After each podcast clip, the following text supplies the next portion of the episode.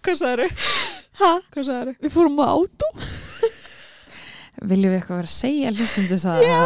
Já, við fórum á átó Það er Eidís, hún var mjög glöð um helgina Hún hérna yngdist alltaf í hennu um svona tíu ár Ég vá, nei okkur svona sama tíma leið mér ekkert vel sko uh, Við þurfum svona að byrja þetta á byrjun sko, við getum ekki bara sagt að við höfum verið á átó Það er hápundur helgarna í henni Það var hábundur helgarna bara Já, vikunar en við vorum svona illa sviknar Já, Við heldum Já. að við verðum að fara að sjá uh, Jú Pál Óskar Herri, byrjum samt að Á byrjunni. Við fórum út að borða á Social Tjöflar gott til þess að fagna sex mánuða ammali undirmannar Já, sem er þetta í hús, það er ekki Skál komið í fyrir því. hús En Já, við erum skál fyrir því. mjög upptegnar manneskjur Þannig að þurft að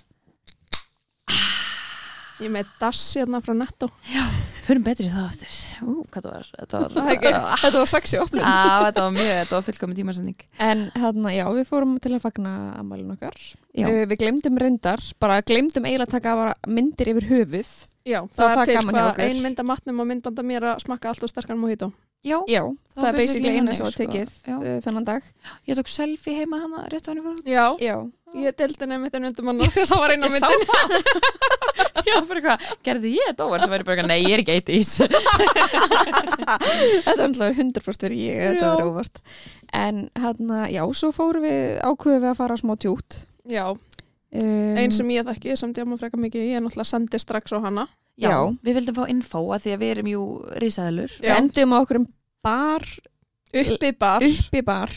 Sjátt uh, Fórum svo þaðan á átó. Já, fórum á átómaður og við vorum elstar á staðnum. Nei, nei, nei, nei, það var við vorum ein ekki mamma. Já, já, já, við vorum Mömmur. Mömmur. Það var skellið mömmuhofnana í Prosecco. Ég hef mjög gaman að þeim. Ég var alveg að spáði hvort þetta mikið bara hefði mátt að djóna þér. Ángríns, við Já. hefum átt að gera það eftir higgja sko. En við erum heldum að við verðum að fara að sjá Pál Óskar eða einhver lög því einhver staðar. Hann var vist að hita upp fyrir um daginn sko. Kanski kom hann eftir að við fórum Kanski eru bara það gamlar að við Við fórum samt ekki nógu lengi. 1.40 sko. Hann átti að koma okkur eitt. Já, Já, við, við, við mistum þólmaðina Við mistum alveg fórum hana. En við tjúttum nú aðeins en að undan og svona. Já. Svo fórum við nú í Íska. Íska. Ærismenn, nei, fórum ærismenn Já, já. En svo ætlaði Eitís að fara á nokkra staði þarna. Þeir eru allir búin að loka fyrir svona fimm árum En þessi, en þessi Býtu, erum við ekki En að fara þarna- þangað Bara Eitís að loka fyrir fimm árum og uh, ekki fara þangað inn? Nei, þú vilt ekki fara Nei. þangað inn En þetta var mjög gaman Þetta var rosalega gaman Já. og alltaf gaman að, að, að fá sér aðeins í tána Það er ekki Já, Hvernig var svo sunnudagurinn? Ég... Ég var bara þokkulega hrætt Já, það já, já Varstu ekki ræð? ég, ég sá eitthvað maðurinn þinn samt að manna minn Æi Er konan þín er þá sofandi? Krista, eitthvað, já, ok, ég var bara að pæla hvort þetta fara aðtöða lífsmörkarninni Ég þetta var meira þreita Herðu, en talandi um sunnudaginn Ég var vakinn Jú, með blóm og bakarísmat Heyrðu, þú varst ekki einn Og það var ekki af því að, þú veist, ég veit ekki, það var að trýta með því að það var svona miskilningur. Anton held að konundagurinn hefði verið síðasta sunnudag. Kristó líka, kom og kisti mig upp í rúm Kisti mig, gleðalan konudagst minn að bakarsmatur Já, en þá er þess miskilningur. Konundagurinn hefði átt að vera þessum degi. En Er það? Já, en það er eitthvað ákveður um 28 fresti sem hann hoppar um viku. Já, og þeir eru náttúrulega með þetta sketsjúl alveg bara, já, hann er Einmitt. alltaf þennan dag Eh, nei, Anton tjekkar í dagatalið sérst bara svona fyrir árið og situr í dagatalið sitt svona daga, þú veist, þessu þennan og mömmudaginn og eitthvað svona. Hann, að, að, hann var með þetta í dagatalinu sínu en þá á dagatalið sem hann hefði skoðað vittlaust oh. því þá var ekki búið að taka það inn í og það kom frétt um þetta á vísi Já, ég sá, Já, ég sá það mitt að það voru ekki menninir í okkur Kristó voru, nei Kristó menninir í okkur Rakel sem sagt Kristó og Anton uh, voru ekki þeir einu Nei, sem að voru að miskilja en við fáum bara tvöfaldan konudag Ég sagði Ég var að að Við spurja Ég ég ég mjög aftur? Já, það, það er konudag næstu sunnudag ég meina þú veist. Blóminn, ég hef pottit múin að drepa það fyrir það en það verður bara mjög fínt að fá ný. Mjög skemmtilegt sko. En hvinnar voru eftir komnar heima á þessu djami? Við fórum kljóðan þrjú allavega, Já, ég held Já, að við við, erum bara við góð skikkalinn tíma heim. Eitis var bara, ég er alltaf að hugsa um það eru þessi margir klukktímar ég er bönnum í vatni, ég var bara Eitis í alvörinni þegið Ég sef ekki í gegnum bönnum mín eins og þið svo í gegnum bönnum ykkar. Ég sef svo laus Hreinsi var að fara að tjekka lífsmörk Herðu, ég setti, eyrna, ég setti lúp í eyrna Já, já, ok, ok, ok. Lifehack Lifehack. Og þá Já. náði ég að sofa. Já, Það var enda það var ekki aðeitt já, ég var vel þreytt sunnundeginum að því náttúrulega við fórum líka í smáralindina hana og áður en við fórum að Þetta var alveg kyrslu helgi hjá okkur, sko. En vá hvað það var gaman. Ekkert Ótrúlega smá. gaman. Við vorum mættar hann með okkar nýju og svo mætti Sigga okkar með, Já, með með, sín. tvö af þremur sínum. Þannig að það var alveg hort á okkur. Já, Já, fólk fór úr hálslið. það var einn sem alveg bara datt í, hún svona já, bara- Æ, hún var svolítið grútleg. Já, hún, var bara, hún ætlaði bara að kissa týpuruna Já, sko, ég kem enda með mína og hún beigir sig eitthvað niður og bara, oh my god, tvíburar, og svo kemur Andrea með sína og svo kemur Rakel með henn sínar. þá og fekk ég fekk hún bara flókast Já. sko. hún var bara, fór hún alveg yfir um elsku, elsku konan. En hérna við vorum svo einlægt. Já, við vorum sérst á vísindasýningunni. Í Smáralind. Þetta er eiginlega bara fullkomið. Fóreldra að fara í vetarafríinu og eftir vinnu. Já, bara, líka bara, þú veist, uh, núna um helgina já, og það Ah. er vetrafrí til þess að hafna fyrir núna, 50 dag, 1. dag Já, ok, það er svo leist Já, og svo hendur í skipulagsdag á mánudag. og svo skipla starfmánda hjá okkur líka þannig að það er, Nei. Það er svo dásamlega fyndið hvað er ná alltaf að tróða skipulagstögum eftir vetrarlegu. þannig að það er 5 dag helgi og það er 5 dagar í Svo ekki vera um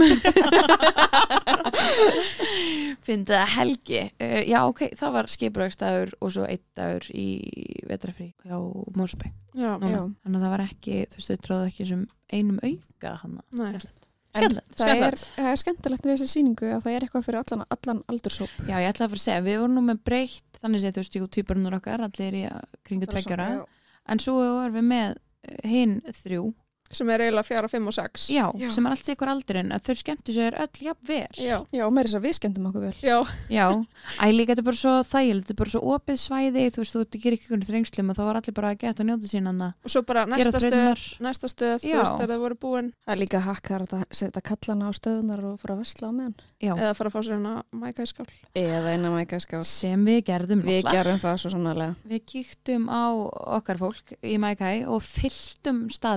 Mækæ og það var mjög fyndið að Ég er alltaf vantilega einhverju búin að sjá þetta á Instagram, já, að við fylltum, fylltum Mækæ. Fjórir tvíburvagnar. og þrjú eldri börn og svo allir fóreldrarnir einmitt. Já, mér sem er manneski pluss. Já, Þannig Þannig við fengum okkar allar, eða öll, það var allir með mæka skálar hana, Snær með grísku, jú, jú. mæka á liðið. Og svo minn náttúrulega bara ég vil sér skál Já, ég heyrði það. ég Hann bara, kom til pappa sinns bara, ég vil mína skál. og hann að fara á Kristi bara að taka einhverja skál Já, það var eitthvað ógisla fyndi. Það var eitthvað stelpann og að kaupa eitthvað skál og Benni bara, jafn, takk. Teka þessa. Fá, fá eina. En já, við letum líka fara í skemmtilega keppni. það var keppnin sem við rættum í viðtalinu við ágáða mætti Já, við ætlum ekki að revíla sigurvegarn. Nei, Það nei, kemur á, á Instagram þegar við... úrslitin verða byrt við Það þarf, það þarf að klippa þetta vídeo. Þetta var, Þetta var ógeðsla fyndið. þetta var mjög gaman að þessu. Þau líka svo hress og, og fyndin hann að... þetta var líka alveg keppni sko. Já, Sko, þetta keppni skapið í þessu pari. Ég elska það sko. Ég bara... Við ættum nú að þekka það. Við Já. elskum gott keppniskap. Herðu, sem innum á það. Við erum ekki ennþá búin að setja mækaleikin. ég ætlaði að taka myndir af skálunum okkar og glemdi Já, það, það, þær voru bara hornar. já, Það, þú Snakkar var að sagði, borða þetta. hvað ég að segja, áður. að býða. Býða eins, mamma taka mynd. Mamma er að taka vinningsmyndina, mangóin okkar. Erna var bara mangó, mangó, meira mangó, meira mangó. En ég fekk ekki eins og borða mangóið mitt. snær með gríski án mango Við mælum að í smárlindina á litaleiki og grípa sér mæka í leiðinni. Þetta er mjög gott kombo. já. En heyrðu, aðeins um drikk sem voru með, Rakel. Að ná mér í minn hérna. Das. das. Er ekki þetta að heyra svona, skál. Þetta var Andrea skallamækin. Nei, ég var að skála. Ég var að skála um mæki minn. þetta er ógæslega gott af því að við tökum mjög upp á kvöldin Já. Já, við tökum upp á kvöldin. og koffinskamturinn er oftast búinn þegar við erum að taka upp Já, Já. svona skinsamlegast að, að vera þannig. Þannig að við uh, fengum þetta frá netto. Sjúklega ferst. þetta er ógæslega fest, Mhm. mér finnst mjög næs að fá svona bræðbætt sótavatn á Já. kvöldin að þegar maður langast með eitthvað svona smá ekstra Ég er nefnilega líka mjög háð þessu uh, með kvöldmatt. Er það ekki þar? Verða að fá gós með kvöldmatnum. Nei. Nei, ég er endur ekki þar. Já, ég er nefnilega svaklaða, sko. þá er bara dass með kvöldmannum Já, ég er nefnilega þetta og er til hvað þrjú önum bröð. já, Þannig að ég er mjög mikið að fara að vinna með þetta með kvöldmannum og líka með, þú veist, 0 kaloríur, ekki 0 kaloríur, koffín, ekkert koffín, sko. þú veist, Þetta er bara geðvikt. bara stendur líka hérna water, bubbles, wonky fruit Ú, þetta er svona cool Já, þetta er líka, þetta eru sætum, sætum dósum. já, Þannig að, en, já, Þetta Þetta- fæst auðvitað í netto. Þetta verður í næstu heimsendingu sem ég er bara, við bara að fara að panta í kvöld. Ég var, að skella í hverfi áðan sko. Já, Ég ég bara líka að íta panta á uh, kaupa.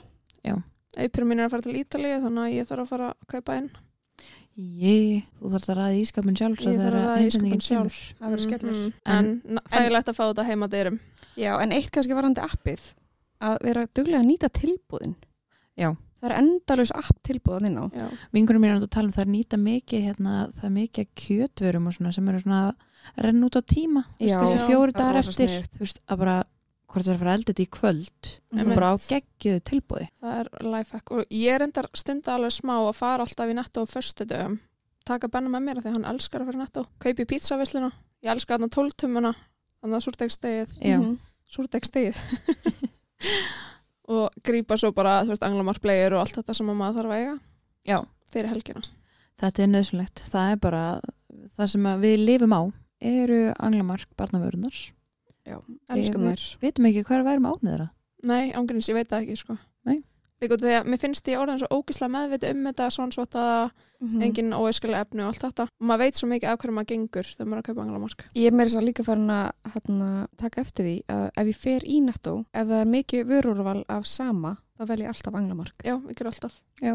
Að þú veist bara, þú veist, þetta er þetta er geði, þannig að hendi ykkur í nettó eða ná ykkur í bæði. veist, og fáið 2% innegg og græði peninga. Þetta er ekki það þetta búið dósuna eina? uh, hvað er þetta eitthvað að dæma? Nei, ég er bara, nei, flott. Bara veltaði fyrir mér. bara, nei, nei, ég er ekki búið með það En hvað segir, hvernig er, hvernig er handbóltinu þér núna? bara frábær sko, við vorum að komast í umspil um að fara upp í oljustildina og allir létti ljúra gátir sko. Það er geggjað, þetta byrjar bara alveg Það byrja já, vel. ég byrja alveg sko. Er það bara því þú kosti liðið það? já, já,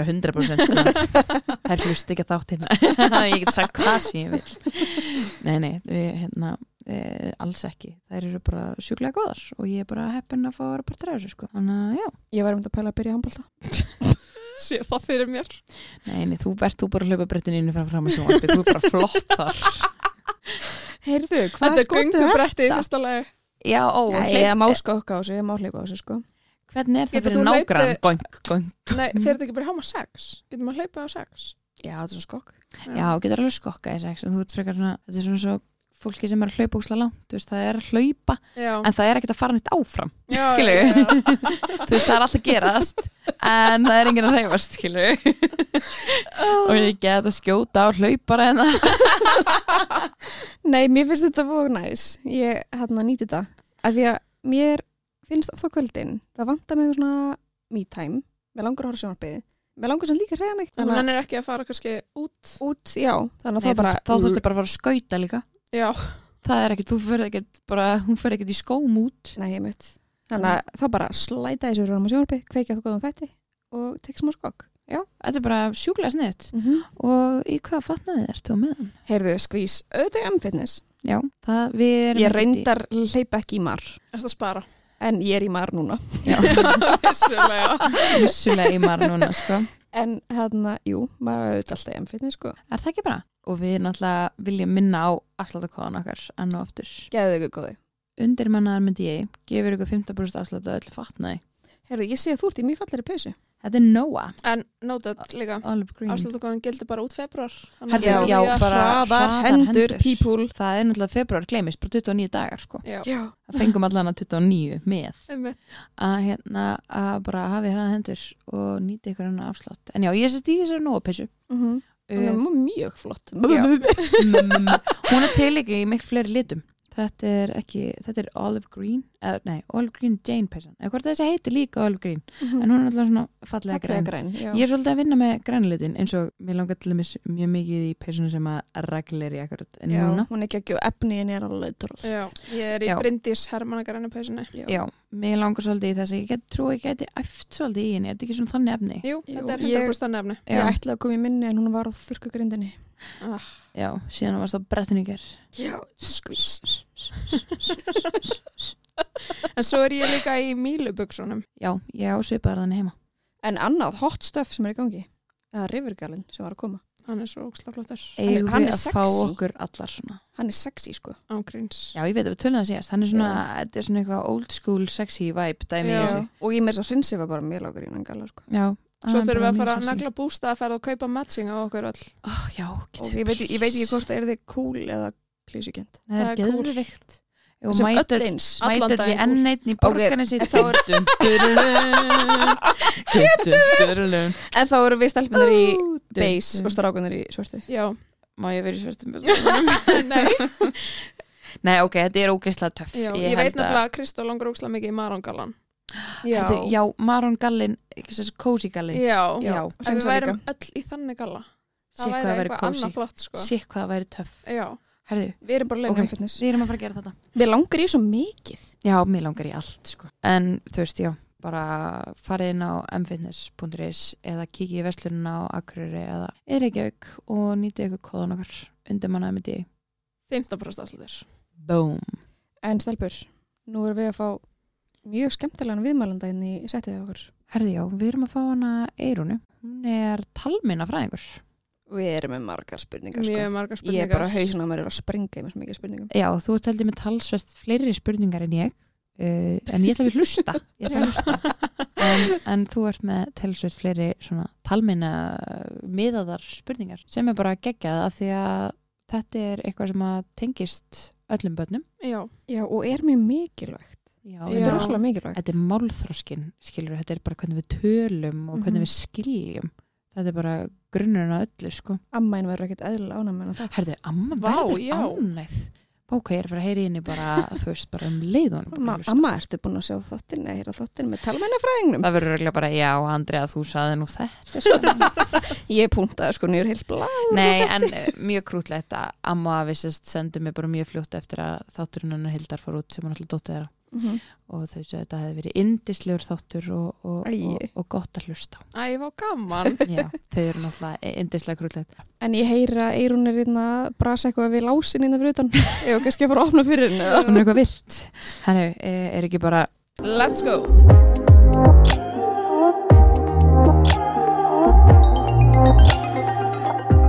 Velkomin til okkar. Takk fyrir. mjög gaman að sjá þig Takk sem við leiðis. bara komið Johnson og allt bara og við varum að byrja Nei, ég meina það er verið að stíða út fyrir það endra mann þegar komin til okkar Heldur betur. Þannig að það er það sem við viljum Við viljum, þegar Það móðurlut er fyrir mann. Já, er ekki nóg erfitt að vera mamma við viljum, við viljum krefja ykkur aðeins meira Nákvæmlega. En hver er Eirún?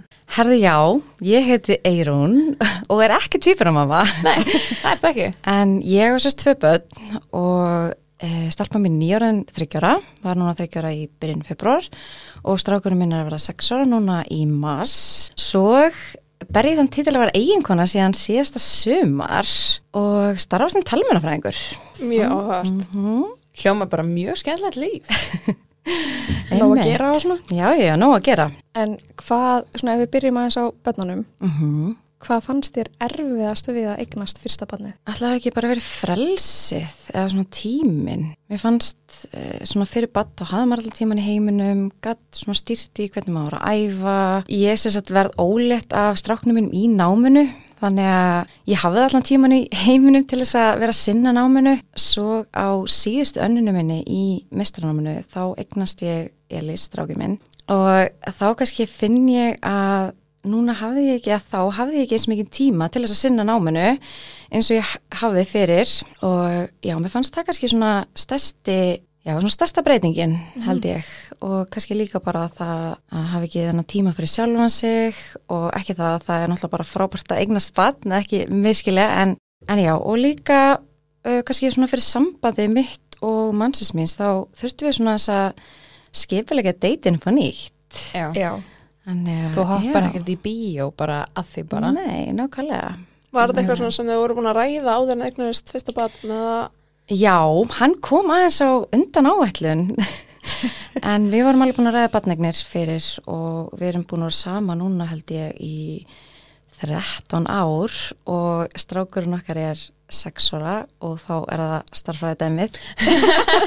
við vorum vera saman mjög lengi allavega það erum veiknumst fyrsta batnið okkar þannig að þetta var alveg til umræði. Við vorum með svona framtíða sín og vorum bara allavega, já, bara, það voru bara gleðið fréttir. já, já, og þau voru búin að ræða ykkur á milli hvað myndi, þú veist, hvað myndi breytast í ykkar sambandi, þú veist, hvernig þið ætlaði að sinna hvort öðru og Já, við rættum það alveg og við höfum alltaf verið duglega að rækta okkar samband við erum bæði mjög virk og elskum að hreyfa okkur þannig að við eigum oft svona bara date saman þar sem við förum kannski út að hlaupa eða förum í fjallgöngu eða gerum eitthvað í tengslu við hreyfingu.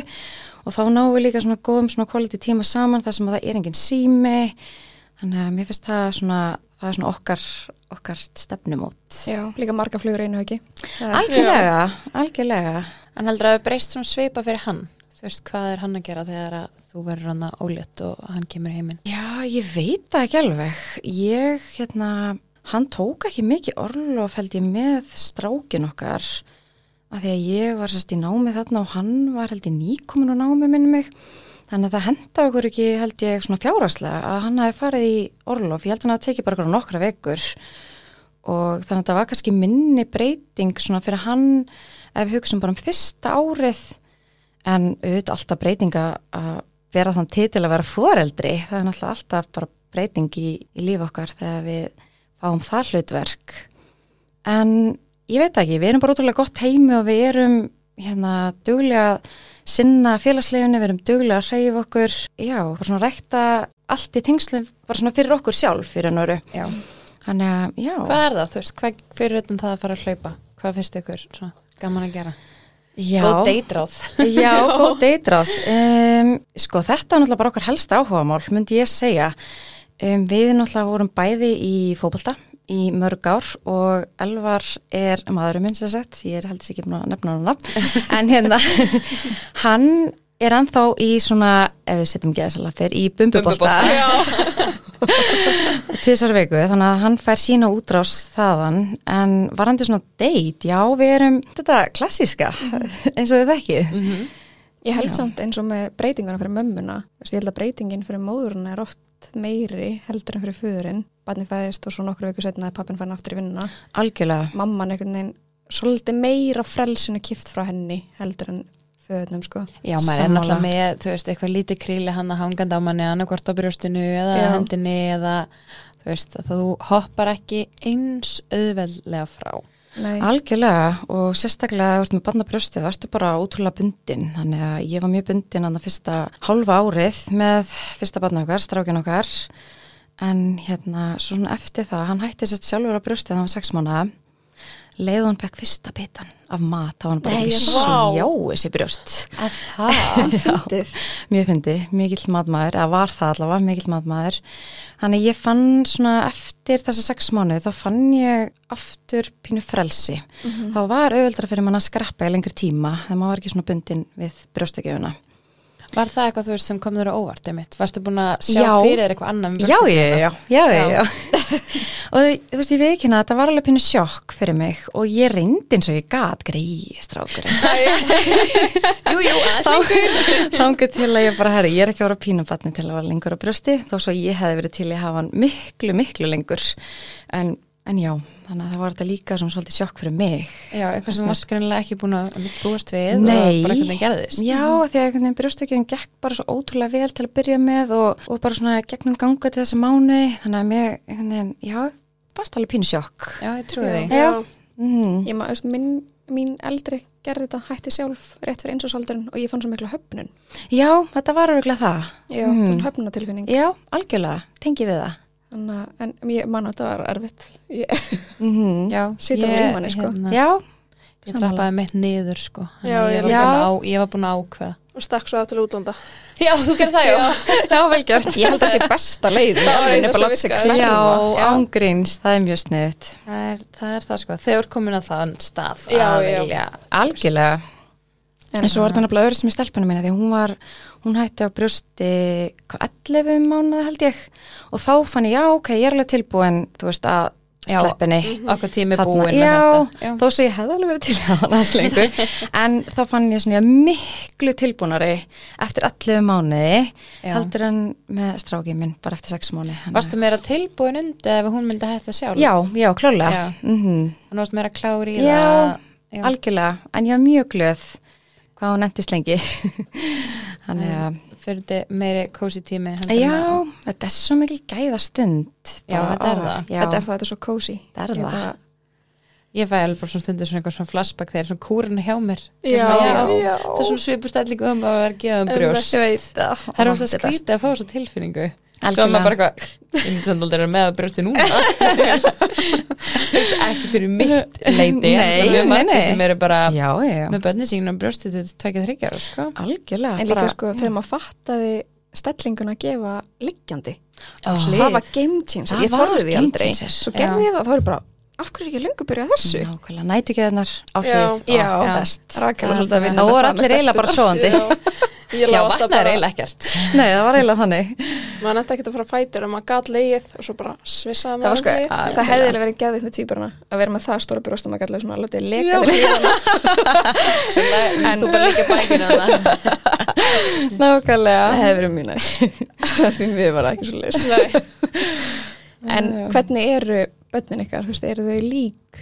Sko, þau eru bæði alveg svona frekar virk, svona mjög hress, en Sérst nei. eins, Eins og þið, sínir. já. Já, þau eru það, en nei, þau eru samt alveg mjög ólík, ólíkir persónleikar. Strákurinn minn, hann er, já, hann, ég, við höfum alltaf verið að hafa svolítið mikið fyrir honum. Hann er svona, hefur alltaf verið svolítið svona kræfjandi. Hann sem sagt, svona í tengslinn kannski við máltökuna, þá hérna var hann mjög fljótu til. Byrjaði, sagði sitt fyrst orð bara, þú veist, áttamónað eitthvað og, og svo bara fór boltinn að rúla og síðan þá hefur hann bara ekki stoppað. Og hérna, hann, hann kaffari manni svolítið í spurningum á meðan stelpa mín, hún hefur ekki svona þess að þörf fyrir að tala mikið, eða vera mikið í samskiptum, auðvitað alveg í samskiptum en svona ekki í líkingu við það hvað strákunum minn er, já, sækir mikið í svona samskipti og spyrandalust. Þannig að þau eru mjög ólík hvað það varðar. Hún hefur svona mitt lundafar. Hún er svona, hún er svona með jafnæki eins og ég, segir mamma. En hérna strákunum minn... svo við eftir að fá Elvar hann komið hérna fyrir og sett saman strákurinn minn, hann er með mikið skap og hann hefur þar úr pappa sinum, klálega. Hlínum þá. Ég elska það, það er að hend undir rútuna en það er enginn til að verja sig. En já, en jú, þau eru samt alveg, þú veist, þau eru ótrúlega góði vinnir og ég held að það hefur líka bara komið mér svona mest á óvart af því að ég er sem sagt, ég er engabat mömmu minnar. Þannig ég var ekkert neginn aldrei búin að pæla í þessar svona sískina dýnamík þegar Emma stelpan mín kemur í heiminn.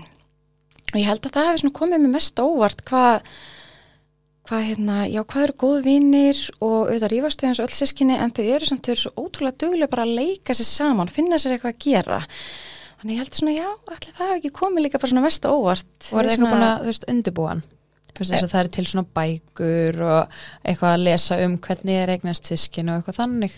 Sko, algjörlega. Og ég bara verða vikina það að því að hann hefur alltaf svona tekið svolítið mikið til sín þá, hann var sér strikkjóra þegar Emma fæðist. Og ég svona var svo ótrúlega svona meðvit um hans tilfinningar þarna þegar hún kemur heiminn að ég var svo mikið að hlýfa honum og svona fyrstu kannski átta mánuðina í lífi hennar þá snýrst bara allt um hann.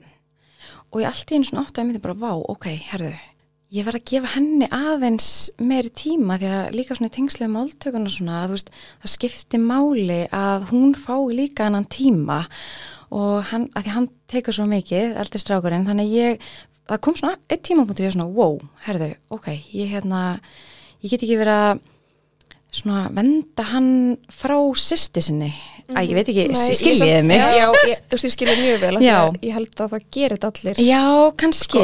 En Og heldur meðvitað. heldur Já. að spila inni að því að þú varst einbyrni hjá mömmuðinni? Já, kannski einhver leiti, þú segir það. það var svo mikið að passa upp á hann Ég var rosa, já, ég var rosa mikið að passa, hann fengi alltaf þess að gæðast undir mér, en auðvitað, þú veist, um, var ég náttúrulega samt með stelpunum mín allan daginn og ég passa alltaf hana tíma þegar hann kom heim á leikskólinum, Já. hann fengi bara alveg, bara fulla aðtegli líkuðu bara, þú veist, frá fjögur til, þú veist, átta.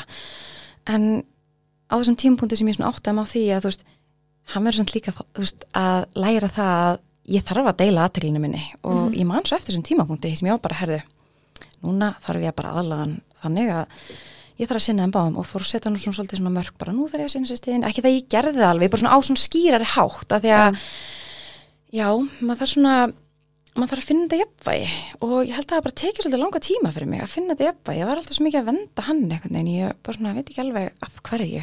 Nei. Já, ég heldur sér þetta ekki einan það því. Ég man eftir alveg samtali okkar á milli, milli mín og hana, Rakelar áður en að bönnina þessar stvíburandi kom í heiminn. Já, af því að ég var svo mikið samvinskupið gagvart eldri að akkurat. hún fengi ekki meiri tíma ein með okkur. En á Tengi, sama tíma já. er það barn með 2 og 3 heldur aldrei að fara að fá tíman sem að fyrsta barn fekk sko. Það er nefnilega málið. þetta er alveg, það er erfitt að finna þarna línuna sko. Já, nákvæmlega. Og ég er glöð að þið tengi. Já. Já, ég er ég segja. sér alls ekki eins sko. Já, ég held að Nei. sé alveg margir og það er svona líka, þú veist, er ósla snið þessar bækur og þessar umræður um þú veist, hvernig er að fá litla sískinni Algjörlega. og það mun gráta og það er alltaf læg, skilur Mhm. og þú veist, það mun öskra á nóttinni kannski og eitthvað þannig Algjörlega. Og við gerðum það alveg, sko. Mér, hérna, ég er svo ótrúlega heppin að ég sest, er að starfa á þjónustumistu. Þannig ég er að vinna með, sálfræðingum, hegðunarókjum, félagsrókjum og fylgta fleira fagfólki. Þannig að ég er rosa duglega að banka á dyrnar hjá hérna þeim og fá aðstöð. Þannig að ég var, já, var búin undirbúin vel. Er eitthvað svona bók sem að mæli sérstaklega með? það eru bækur sem heita eitthvað svona ég get ég man ekki hvað heita, ég get svona afmark efni eins og ég get sigrast á ah, stelpur nú manni, ekki hvað heita. Ég skal, ég skal senda ykkur eftir, Já. eftir tíman Við getum hérna deilti á já, Instagramin ég var með ykkur með. bækur heima sem að ég las fyrir hann sem að mér fannst mjög góðar. Ég skal láta ykkur þetta eftir. Ég man að ég las eitthvað bók eitthvað Lárus Lárusinn sískinni Já, já, ég las hann líka. já, já. hún var fín, emitt, ég man eftir henni eða svona líka Algjörlega. svona allavega sko góð gagvart mér að því þá var svo mikið verið að tala um að mamma verið þreytt. Já, alveg rétt, og ég er búin að gleyma þessu. Ég man ég tók alltaf, bóksafnu mamma er þreytt, hún þarf að leggja sig. Og ég var alltaf bara mamma er þreytt, mamma er að leggja sig. Þetta er á Nákvæmlega. því krakkin alltaf bara, mamma er alltaf þreytt. Mamma sefur ekkert. En hvernig finnst þér svo munurinn að vera með stelpu og strák ég sko, ég finn ég, ef ég verð alveg bara hreinskilin þá finnst mér ekkert eitthvað þú veist, brjálaður munur. Mér finnst þetta meira bara svona fara eftir karakterunum um, kannski bara líka því að stelpa mín er hún er algjör strákastelpa. Hún vil bara, þú veist hún, kannski, ég veit ekki, kannski spilast hann alltaf líka einhverju, einhverju hluta vegna því að hún á bróðir en hún vil bara vera í þú spætimann og soroleik og eh, vill bara vera í hettbissu og, og hérna vasabuxum og líka sjá það að vera í kjól og, og allt þetta svona, við tölum um svona, svona steri Stereótýpur. já, Já. akkurat Ég hefði eignast svona stelpu Já, Hefði ég átt að stelpu. svona fara að þangað um. Já, Já, svona leikfengin þar vilja bíla og traktora og gröfur og og eitthvað. mín Já. alveg En það eiga áttina, líka sko. þarna eldri bróður mín Já. er bara glimmur og fyrildi sko Akkurat, og þetta kemur nefnilega svo hérna skýrt strax í ljós finnst mér hjá stelpum en hún hefur bara aldrei verið þar þannig að þú veist, fyrsta svona einu og hálfa árið þá náði ég að klæða henni í kjóla og svona. Svo þegar hún fór að hafa skoðanir þá bara er ekki sens fyrir, já bara glemt þessu. Líka bara, snögg með skoðanir, hvað sagði hann ekki að þryggjára e, Jú, hún er þryggjára þannig að hún hefur alveg skoðanir og fer ekki hvað sem er. Það er bara að segja þess að er. Það er svo erfið já, Já, en að sama skapi þá finnst mér ótrúlega jákvætt að ég hugsa, veist, mig góður, minn, hann svona, svo mikið prímadonna, hann er, einmitt að vera sex ára og hann sest í sófan á mótnan og bara mamma klætti mig og meðan ég hvað, Emma, og ég hjálpa þér í sókna, nei, ég ætla að gera það sjálf, þú veist. en er það samt ekki smá karakter Jú, það er kannski, jú, já, en ég held að það sé líka kannski mögulega tengt stelpu og já, strákum. ég var að segja, ég held að það sé smá tengt stelpa og Svona stráka sjálfstæði Já. og svo svona Já. Ef við getum sagt þetta, þú veist, ég á náttúrulega svona, svona mömmustarákarnir Já. Já, einmitt. Þannig að það er kannski það svona, það er kannski eina svona sem er dettur í hug. Annars finnst mér líka svona, þau eru svona lítil þá finnst mér þetta bara fara eftir karakterunum. Já, líka bara fyrir dögum. Já. Já, og svo það, einmitt. Ég held að komist kannski veist, meira í ljós þegar þegar eins og stelpa mín og hann eldri svona samskipti hennar við vini sína þú veist eins og stráka samskipti jú, kannski, ok, ég ætla að nefna eitt. Hérna, ég sé svona mun á því hvernig hún leikur við, hún á eina best vinkonu hún stelpan mín og hvernig þær leika saman, þær eru svona algjörða svona dúlur og er ekkert mikið vesinn og bara svona gengur alltaf og vel, en svo bara hvernig þegar strákurum minn er að leika vinn sína og það er bara, hei, hei, hvað séu og bara hölkleikur og slást og svona. Það er svona kannski munurinn, ég veit það ekki já, Já, bara svo svona, svona hjálpastöndan gerir þetta skilur þegar letur strákana svona aðeins róa sér niður meðan stelpunar er að æsa þær upp. Að því þetta er actually svona. Já, þetta er já, bara- það er alveg kannski, ég sé svona mun þar, en, en já. Og ég held bara hérna, það var eitthvað rætt við okkur hérna Ingibjörg Eiríks ræðum hana í hundra Já. skipti. Hún var að tala um, sérst, við fórum allar í svona viðtal til hennar fyrir að genga með Já, Ah, ok, hún er- var að tala um við okkur sko munin að vera með veist, tvo stráka eða tvær stelpur. Ok. og hún kom með svo gott dæmi hún segði þú veist, ef þú ert með tvo stráka þeir bara rífast, öskra okkur annan svo er það búið. Ef þú ert með tvær stelpur þá öskrar, öskrar okkur aðra, rífast og það er í viku. Já, bara drama. já. þannig að þú veist, mér finnst þetta alveg mjög svona já, já, mér finnst þetta alveg mjög svona einkennandi mjög oft þú veist, ég ætla ekki að alhafa það. Nei, nei, nei, mér finnst þetta mjög einkennandi oft með þessi að- Algjörlega. og svo er strákar minn alveg svo þú nefndir með vini sínum. Þú veist, það er að vera fimm ára og það er bara byssuleikur og vera að leika sér í drullunni og þú veist, það er bara að reyna að keppast því að vera óþekkur en að gæsa ég veit maður ekki að segja það en Nei, Já, já, það, það er er bara svona gauragangur. Já. Hérna, já, ég tengi þú alveg með þrjá. það. Ég, já.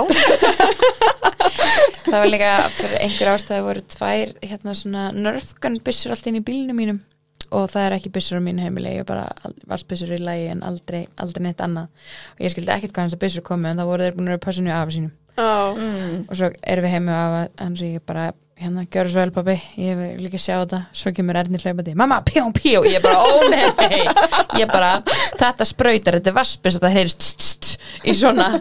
Og bara, mm -mm, bang, bang þau eru fljóta að píka upp sko. þau eru alltaf flott að já, einmitt. En það var einn bara svona gauralætin, skilur við. Veist, það var Nákvæmlega. engin einhver prinsessa að skjóta hann einhverju, einhverju glimmeri, skilur við, þetta var bara þetta var ekki alls að frósa Nei, það var engin elsaði frósin hann, sko. En við erum í samstarfi en White Noise. Heldur betur, æðisleg náttföt sem að þau eru með. Já, svo mjög góð. Þetta er ekkert smá mjúk bómull þau eru líka bara svo, minnst þau svo fallega litir en svona smá svona, hvað það segja, svona náttúrulegi litir. Já, ekkert eitthvað svona skært og heldur, það er ekki mikið í gangi á þeim. Já, Mér finnst mjög fallegt þegar að munstur á þess að þessi crazy munstur. svona innfall Einfalt. og svo er þetta 100% lífur en bómull já, en svo er ekki að kaupa líka matching á krakkana já, það er ótrúlega flott og við erum allar svolítið að vinna með matching, við bara við kunum það Mhm. sama á hvað aldrei það er þá er það bara alltaf krúllett En við ætlum minni, minni ykkur á afsláttakóðan okkar. Undir manna með DE gefur 10% afslátt. af öllu inn á Vætnars En hvað segir, hvað fekk til að fara í þetta nám? Herðu, já, það er svolítið skemmtilega saga á baka það. Um, ég sérst kynnist manninu mínum árið 2010 á lokahófi KSI, sérlega minninga. þegar það var ennþá Nákvæmlega.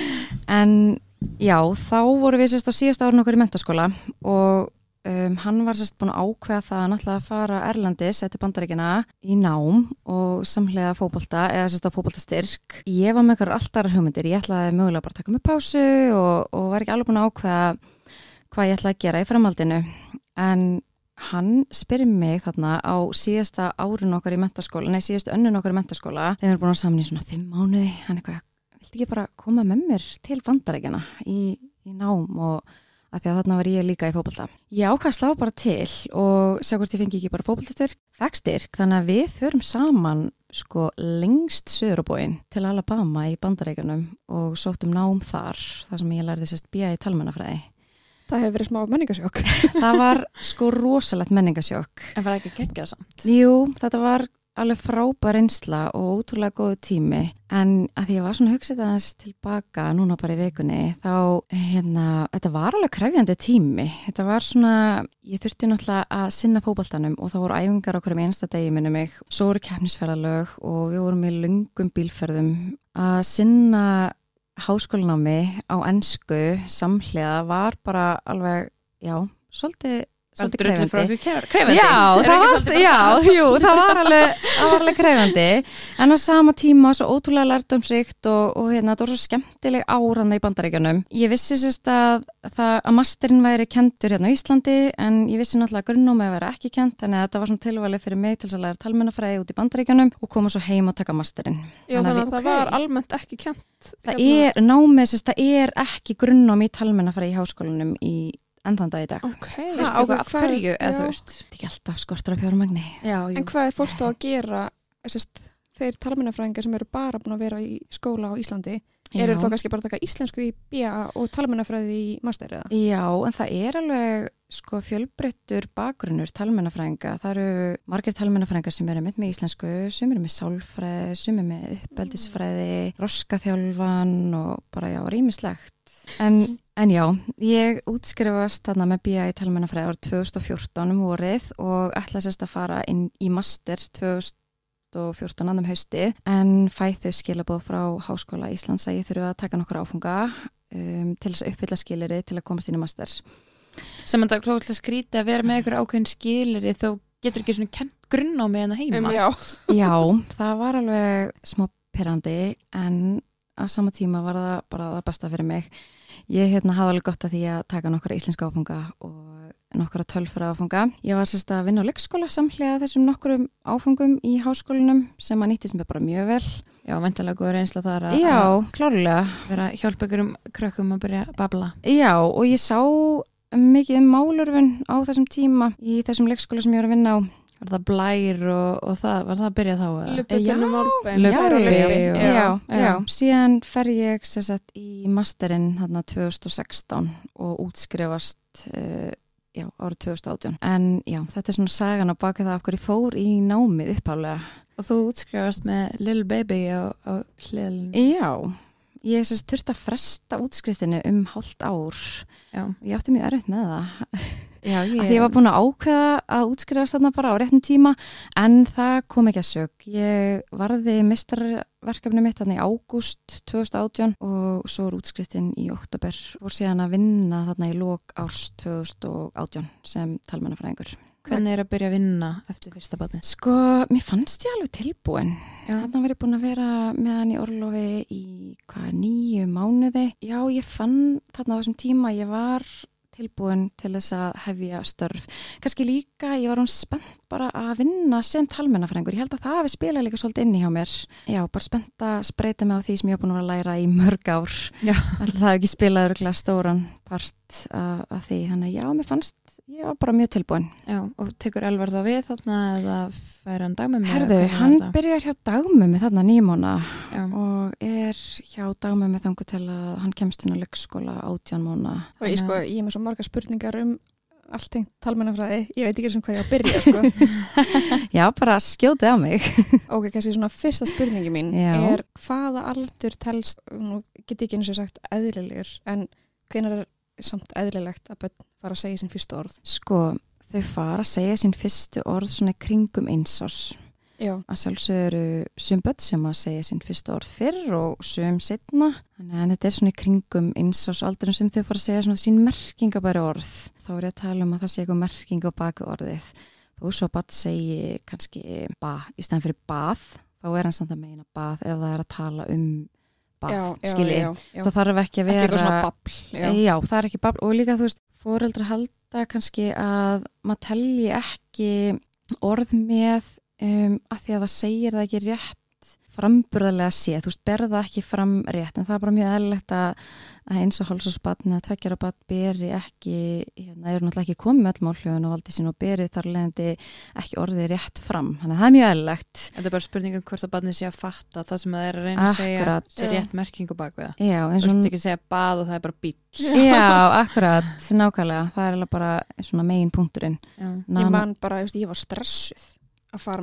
það ég ég, ég í hérna skoðun þar Já, var verið að átján manna sko, en Já. já, af því að ég bara, ég fattaði ekki hversu mikinn orðaforða þeir voru með ég fannst þeir ekki verið með neitt orðaforða svo byrjuðu þær að tala við þá og þá allt inni bara sögðu þeir fyllt á orðum ég bara, vá, ok já. þannig að, Maður hefur heyrt þetta hjá ungbarna eftirlitinu að það eru líka svolítið svona fiska, það er ekki að þið vitið að þú veist að ef að bat segir voff þá er það orð.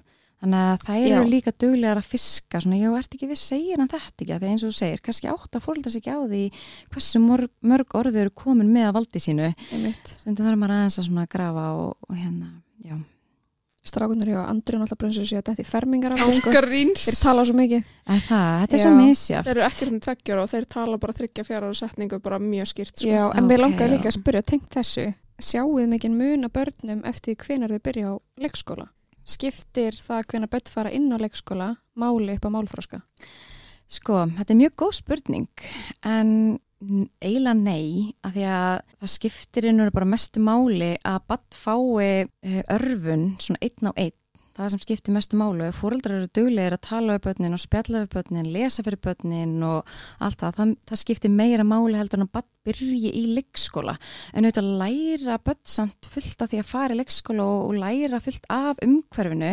En ég myndi ekki segja að þessi breyta ein og sér hafi beinlinis kannski áhrif á að barn taki stökkjumál þróska. Ég myndi freka Já. segja þú veist að það sé líka bara þróskin. Já, kannski Ski- aldurinn. skilji, Já, já. en að því maður hefur heyrt þessa spurningu alveg mjög oft, það er bara gott að rýna svolítið í hana, Mhm. þú veist að því að í leikskóla umhverfinu þá fá börn minna af þessu einn á einn. Já, og, en heimi hjá sér fáðu meira einn á einn. Eins og til dæmis við tökum bara jólafrí og sumafrí og svona, um, það er alltaf að tala um að börn takir svolítið stökk í jólafríinu eða sumafríinu, ástæðin svo að það fáðu miklu meira þetta, þú veist, spjall og, og við fóreldrar sína svona einn og einn, en í leikskólinu þá er þetta náttúrulega meira byggt á heildinni, þó svo auðvitað þau eru oft í smarri hópum og svona, en þá fáðu þau svona minna að þessu svona Ég einn og einn, svo ég segi held þannig ég sé ekki að segja rátt mál en Anton fór eiginlega ekki til leikskóla til dæmis sko. ég ekki heldur. Já, Ég einmitt. þannig að það er ekki það er haldið sýnir það svolítið þú veist. Anton minnur ekkert eftir á greiði sko. En ég pældi alveg mikið í þessu af því að við erum með auper, ítalska auper sem er búin að vera með þær núna síðan voru eitthvað eins og háls Einmitt. og hún talar auðvitað ekki íslensku, talar Nei. alveg oft ítalsku við þær, þannig að það er segið með spá-bá en ekki voff-voff og Já, er alveg búin að pikka upp svona nokkur ítalsk orð. það er svolítið skemmtilegt Já, mér Já. finnst það ótrúlega gaman. Já, En á sama tíma hef ég alveg verið svona, ok, við erum þær að fara að vera ótrúlega Þegar börn læra tvö tungumál á sama tíma, um, þá þurfum við að hugsa þannig að þá hægist kannski pínu á, á kerfinu en ef við, ef við tökum samt orðaforðan saman, þú veist, ef við leggjum orðin saman sem að barni kann, þá getur þetta verið kannski bara í flúttu við jafnaldra. Þú veist, Já, ef, við, mhm. ef við pælum í því bara eins og ef að annað fóreldri er bara íslenskt og hitt er bara ennst, þá kann barni x mikið orðum á ennsku og x mörg orð á íslensku og ef við myndum eins og segja, myndum plúsa þann orðafóra saman, þá er það kannski á, á hérna, pari við jafnaldra. Ég held að þetta það, gleymist nefnilega mjög Já, oft. Ég hef heyrt þetta á mjög mörgum Mhm. og ég hef heyrt þetta alveg á leikskólanum og svona. Alveg já, þessi er svolítið eftir í málþróska. Já, hún er tvítingt. Maður gleymir að taka Já. inn að batnið um orðaforða líka á öðru tungumáli, sko. Já, það er nefnilega máli og maður heyrir oft svona, kannski, kannski heyrir oft en kannski er það er miskilningur í oft í fólki að allir með svo tvítingi, tvítingi veldur ekki málfróskaröskun, alls ekki Mhm. og, hérna, og þessi breyta finnst mér líka ótrúlega mikilvæg og mikilvæg hérna, að fóreldra hei, að viti af þessu Einmitt. og, og taki þetta inn í reikningin. Þannig að tengdi þessu með auper dæma því ég var með auper líka þegar þeir voru aðeins yngri Já, og ég fór sérst að gráta þegar ég fór að vinna aftur af því að ég var svo hrættum að strákunir eru bara heima með mannski sem tala bara ennsku ég svo hrættum að myndi aldrei læra íslensku af því að, að því ég var ekki heima með þá Þú ert íslensku. dramatísk. Nei, nei, þú Nei, ert nei, alls ekki ég bara, ég dramatísk. fór að hágráta bara. Þeir eru bara með ennsku mælandi heima Þannig þið sjáu það, við mælum ekki með auper Mínir eru talandi svo fermingabögn Ekki ykkar. Þannig að hafum þetta bara al íslenskt Já, nei, mín er alveg farin að rífa kjátt núna sko. Já, ég held að þurfa ekki að hafa neinar ágjur. Þetta er bara Svo er þetta bara misjæmt, svo líka oft tala um þessi eitthvað svona misjæmt, þetta er strák og stelpum. Já. en þú veist, ég Akkurat. eins og margir, eins og hjúkun að segja þeir eru svolítið talandi eins og stelpur Já. af því þeir eru það mikið á undan ekki það þú ert náttúrulega líka svona talan, talandi gaur sko. Algjörlega. Það er sko gömul rannsókn, ég man ekki alveg hversu gömulin er, en þá, það var alltaf áður fyrir, allavega ég held að sé ekki búið að rannsaka þetta eitthvað nýlega, en það var hún, hérna, Elín Þöll sem að skoða þetta alveg fyrir alveg mörgum, mörgum, mörgum árum. Sérstu við átjámana aldur, þá voru stelpur með miklu svona víðari, breyðari orðaforða heldur en strákar og svo einhverjum tímpúndi þá bara jafnast þetta út. Mhm. Ég veit ekki hver staðan á því er í dag en þetta er allavega samkvæmt svona kannski eldri rannsókn varða alltaf þannig. Já, ég hef alltaf einmitt fengið þetta því að þú veist, Já. Elmar var eins og þinn þú veist, það var bara að byrja að tala bara fyrir eins og afmælið, Já. þú veist, hann Já. líka við bara hjælt ræðu eins og afmælinu sínu skilur Já, og þetta er náttúrulega líka eins og í mér, þá var þetta öfugt sko, strákurinn minn var mjög fljótu til og meðan stelpa mín var bara svona, Já. eðlilegu róli. róli Já, Það er alveg eins og mér, strákurum var miklu fyrir tilhaldur en stelpunar. sko. já, einmitt. Það það er kannski er þetta ekkit eins afgerandi og var Nei, maður veit það ekki. Það þurfum að erum til að þess að kíkja á þetta. Já, nákvæmlega. En hvernig er að vinna með veist, Hvernig er starfið sem talmennafræðingur á leikskóla? Herðu, það er ótrúlega gefandi og skemmtilegt og ég sem sagt sinni bæði greiningum og er með taltölun eins er ég líka í svona ráðgjöfa hlutverki fyrir foreldra en það, það sem ég verð svona vikinar, ég fæ svona mest út úr því er að vera með börn í þjálfun og að sjá framfarir hjá börnum. Það gefa manna svo ótrúlega mikið. Við oft hérna fögnum saman á skrifstofunni við talmennafræðingarnir þegar við kannski náum árangri með einhverju barni, þannig að það gefa manni mjög mikið. Æ, gaman. Mm En hvað er það svona helsta sem að börn á þessum aldri uh, þurfa aðstof með? Eh, Er við það errið? Ef við tökum leikskólaaldurinn Ef við tökum Já, leikskólaaldurinn. leikskólaaldurinn. Eh, Það er bara bæði í tengslega málþrósku og framburð. Um, fram, ok, kannski bara svona aðeins til að útskýra. Um, málþróski og framburð, þetta er algjört, þetta er sikkurt kerfið. Málþróskin felur í sér eins og málskilning, máltjáningu, orðaforða, setningafræði, málfræði, hljókerisvitund og fleira. Á meðan framburður þá eru bara skoða hljóðin sem þau eru að mynd. Þannig að ef við, ef við tökum bara bat, notar eð í staðin fyrir r, bara segir þjómi í staðin fyrir rjómi þá er það talið sem framburafrávik. Það tengist ekki beinlinni smálfróskanu. Ó, ok. Vissið þetta? Já. Nei, ég, Já. nei, Já. ég hef ekki kveikt á þessu sko. Nei, akkurat. Og það er mjög eðlilegt. Um, hérna, þannig að um, ef við erum að vinna allir með badd sem er bara með framburafrávik, þá eru þetta líka útrúlega gefandi að þegar það næri loksins erhljóðinu, þá alveg hérna eru mikil fagnaðaleti. En hvenar er eðlilegt að börn nái R-hljóðinu? Af því að núna er ég með stráka sem eru sko tveggjara Já. og þeir eru að sýsti sem þetta hera Já. og þeir segja alltaf heka. Já, það er mjög Það eðlilegt. nota G ekki R. En svo nota er R í öðrum orðum sko. Já, komni merrið. Já, þeir segja alveg R í, skast, bara aldrei í hera. Já. Það er bara heka. Ok, emmitt. Sko, errið á, kemur svona á 5. til 7. aldursóri. Ok. Þannig að, og það er hægt að fara eftir svona hljóðaklettum luppa. Það- Við setja einhvern tíma á Instagram hjá mér, Mhm.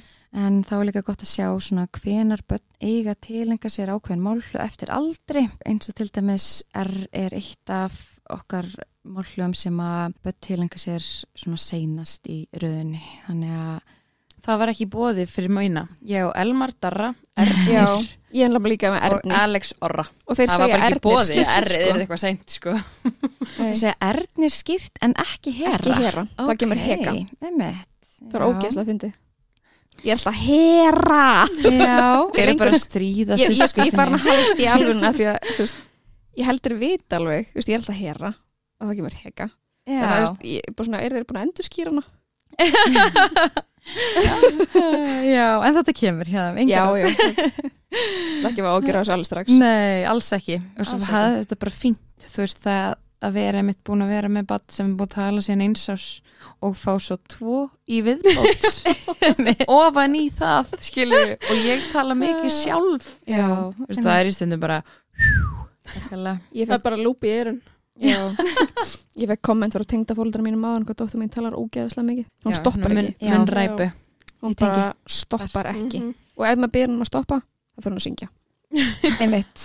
Það þarf að koma sér orku út. en þú varst í ykkur að rannsóknarvinnu með varðandi tvíbur að það ekki Herði, jú, ég fór í rannsóknarvinnu og hef búin að lesa nokkra greinar og hérna skoða einhverjar gamla rannsóknir, fann reyndar enga nýlega rannsókn. En já, ég komst að því að tvíburar eru örlíti líklegri til að vera aðeins setni til máls heldur en einburar og mér fannst svo skemmtlar kenningarnar á bakvið það. Og fyrsta kenningin var sérst svo að, að þá eins og ef það er eitt fóreldri með tveim börnum þá fá tvíburarnir ekki eins mikið svona einn og einn tíma með fóreldri sem að make a sense. Um, önnur kenningin var svo að tvíburar hafa félagskap hvers annars og sækja þá kannski ekki endilega eins mikið í uh, fullorðna aðeila Já. og mér varst þetta svo góða punktur. Mhm. já, og ég kannski tengi þetta svolítið svona inn í mitt fjölskyldulíf. Strákurum minn fekk mjög mikið náttúrulega svona ríkulegt mál umhverfi eða svona upp, mál uppeldi. Um, á meðan ég fann svona leið og stelpa mín fór að um, hafa áhuga á að leika við uh, stráki minn þá sækist hún ekkit eins mikið í það að spella við mig. Þetta fær hún eitthvað út af því að, leika við hann en það er ekki eins útrásin er komin önnur. Já, þannig að mér fannst það mega sens. En síðan var þriðja kenningin svo að týpurar er með tilenga sér oft sitt eigi tungumál og það getur verið einn breytan inn í, inn í þessu þannig að mér fannst það líka svo áhugavert Og hvað er áhugast að heyra. já, mjög Okkar eru öll með, eða voru, Mín eru ennþá. Já.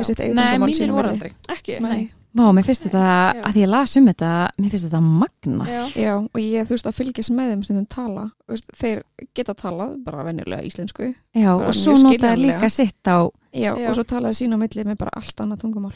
vá, mér finnst þetta magna. Já, og við erum að tala um, þú veist, sem orð bara veit ég ekki, ég er búin að reyna að átta maður hvað orðið er, að, hvað er að vísi Mm en ég skil það mér ekki. finnst það mér finnst mín að rífast mjög oft á sínu einn tungumáli Já, Ok, og þetta er bara eitthvað byll sko. mér finnst þetta magna. Ég hérna tala líka við eina mömmu sem á tvíbarastráka og þessi tvíbarastrákur eru sérst í árgangnum hjá strákunum mínum og var spurðin hvort að hún myndi eftir einhverju í svona máltökunni og varandi svona eigi tungumál hún bara, oh my god, ég man svo eftir einu atri þar sem að hún var með annan tvíbaran á skiptiborinu og þeir voru orðnir alveg held ég eins og háls pluss og hann er eitthvað svona órólegur á skiptiborinu og hún bysti sig aðeins við hann og svona, ég, nú ætlum við að skipta um blei og hinn tvíburinn er eh, á gólfinu og þarna nær tvíburinn sem er á skiptiborinu að mynda einhvers konar samræður ekki á töluðu máli við hinn tvíburann sem er á gólfinu og hann hleypur og slæðir mömmu sína. Og hún bara, oh my god, þetta var bara svona þetta var svo magna, hún sagði bara ég gleymu sig ekki að því að þarna var hinn greinlega eitthvað ósatt við mömmu sína Já. og var að benda hinn um tvíburannum á að, að láta mömmuna aðeins heyra það. Oh þannig að mér fannst þetta svo ótrúlega merkileg saga þetta er ekkert smá áhugavert. Já, Ég var alltaf að að eiga raukraður hann við Erni Já. Elí um bróðu sinn. Ég ætti nú að gefa honum aftur mjölkurglasi sitt og Alice var bara eitthvað ég var að sulla og hann var bara mamma gefðu honum glasið. Og ég var bara herru, en það var ekkert þú veist, það var ekkert tungumál Það var íslensku. Já, já, já, já, það var bara skýrri íslensku. það var bara, já, við höfum að setja þetta myndband bara inn á. En það var bara Ernir að bakka upp bróðu sinn. Já, akkurat. Það var bara mamma, þú veist, þú tókst glasið hans. En Alice sæðir samt við hann í vídjónu Alice var að sulla Þannig að hann viðkennir alveg að var sull en hinn var alveg með það á hreinu að hann ég nátti að fá glasið sitt aftur sko. týpura kærleikurinn sko Já, já, hann þarf að Eða, þú bakka veist, þetta ekki alltaf kærleikur, sko. Nei, nei, nei, nei, nei. en, nákvæmlega Týpur að tengst já, nákvæmlega en ég, sko, ég pældi þessu af því að ég tók mjög snemma eftir því að mínu voru með tungumál sín á milli og ég Mhm. var hrætt um að þetta myndi hafa áhrif á þeirra málfróska, sko. En þetta virðist ekki það hafa er gert það, sko. rannsóknir Nei. sem að eitt segja það og líka bara, þú veist, það rannsóknir segja veist, að týpura séu líkleri Já. en því er ekki að sé það Einmitt. og hérna, þannig höfum það alveg á hreinu Mhm. að, að Já, það þarf er ekki að vera misjamt sko. já, En og algjörlega. segir, þetta meikar samt sens að því það ertu með eitthvað sem þú ert alltaf að bufferi þú ert að ná útra svona, svona mannesku Mhm. en þá þarftu kannski ekki endilega að Mér fannst þess að kenningar nefnilega alveg skemmtilegar Mér Já, fannst gaman að lesa gegnum þetta Mhm. Já, Algjörlega. er og líka eins og þetta með að vera einn á móti tveimur eins og í veist, þeir, það er bara staðrind að tvíburar fá ekki ef mikla aðtigli í fæðingaralónu ef það breytt fóreldri heima Akkurat, þannig að þú veist, þú nærði ekki að dreifa aðtiglinu 100% á bæði bönnun allan daginn sko. það er nefnilega máli og mér fannst áhugavert, ég er nefnilega eina vinkuna líka sem á tvíbrodætur sem eru sjö mánuða Mhm. og hún var með þær á gólfinu um daginn og hún var eitthvað að leika trúðin eins og við gerum oft og hún var einmitt að velta þessi fyrir sig bara ok, um, mynda auksamband við þær, bara hvor á ég að horfa á. Skilur Herðu, þú veist. mennirnir okkar töluðu um þetta í þættinum. Hérna hreinsi tala um þetta þegar þeir fættist hann bara á hvernig á ég að horfa? Já, Já. einmitt. Og ég, ég tók alveg eftir þessu þegar að að þeir voru nýfættir að hann átti bara ógislega með bara hva, hva, hvernig á ég að horfa á maður fær bara samvinskupið ef ég horfi tvær sekundur á hann þá þarf ég að horfa tvær sekundur á þennan. Nákvæmlega. Gera jæmt á milli sko. Nákvæmlega Já, gaman að þessu. En að þínum, þú veist, núna alveg varstu klárari námi með strákin varstu ykkur tilrunastarðsemi að kannski ekki tilrunastar en ég eh, skrifaði alla máltökunans eh, í nót sjá mér. Oh my god. Vá, Biti, biti, biti. Ha, og geraði stelpana minn líka. Já, ég bara þetta er eiginlega skrifaði- verra en síðasti viðmælandi sem skrifaði henni alla kúkableiðunar Hún var með þrýbura, ég bara gef hildi þetta sko. Já, En já, mér fannst þetta svo áhugavert. Ég hérna, já, búin að skrifa niður allt sem að bara fyrstu orðinans, fyrstu setninguna og, og svo eftir að náttúrulega hann fór að tala bara í hérna, fleiri orðasetningum þá skrifa ég líka niður svona frasa sem hann segir að því að maður er líka svo fljótur að kleima og Já. mér fannst ótrúlega gaman að rýna í þetta þegar stelpa mér fættist og ég hérna, líka skrifaði allt niður þegar, við máltökun hennars líka Þannig að svona verið að bera þau saman. Já, Án þess að þau kannski vissu byggja já, algjörlega, mér fannst það bara gaman Já, fyrir ég mig. segja það, þú veist að það er, kemur yngum á sög Nei, þú ert ekkert eitthvað, heyrðu, nú ætlum við að setja niður. Hann var farin að segja þetta og þessum aldrei Alls ekki, mér finnst það bara svo, mér finnst það bara svo áhugavert. Og það voru með alls konar svona reglur eins og Elisa alltaf, þú veist, að þegar maður segja alltaf á þetta þú veist, Já. ef krakka byrja að segja á þetta þannig að hann fór að tengja sjálfan sig. Hann saði ekki ég, heldur eins að áa á að Ah, borða á að borða, því hann var alltaf að segja á þetta. Ah. og ég skildi svo þessa reglu, ég bara já, þetta er mitt sniðugt, ég skildi þig. Ég fatta hvort það meina Já, fatta þig. Og hann fór til dæmis aldrei á þetta tímabil þar sem hann saði Elis, þú tala aldrei um sig í þriðupersonu, um, en stelpa mín hún greip strax uh, Emma og var lengi að koma sér út úr því að, hérna, að segja alltaf Emma ger þetta, Emma ger hitt og við varum búin að fara í stífar æfingar bara ég, ég, ég, ég, ég.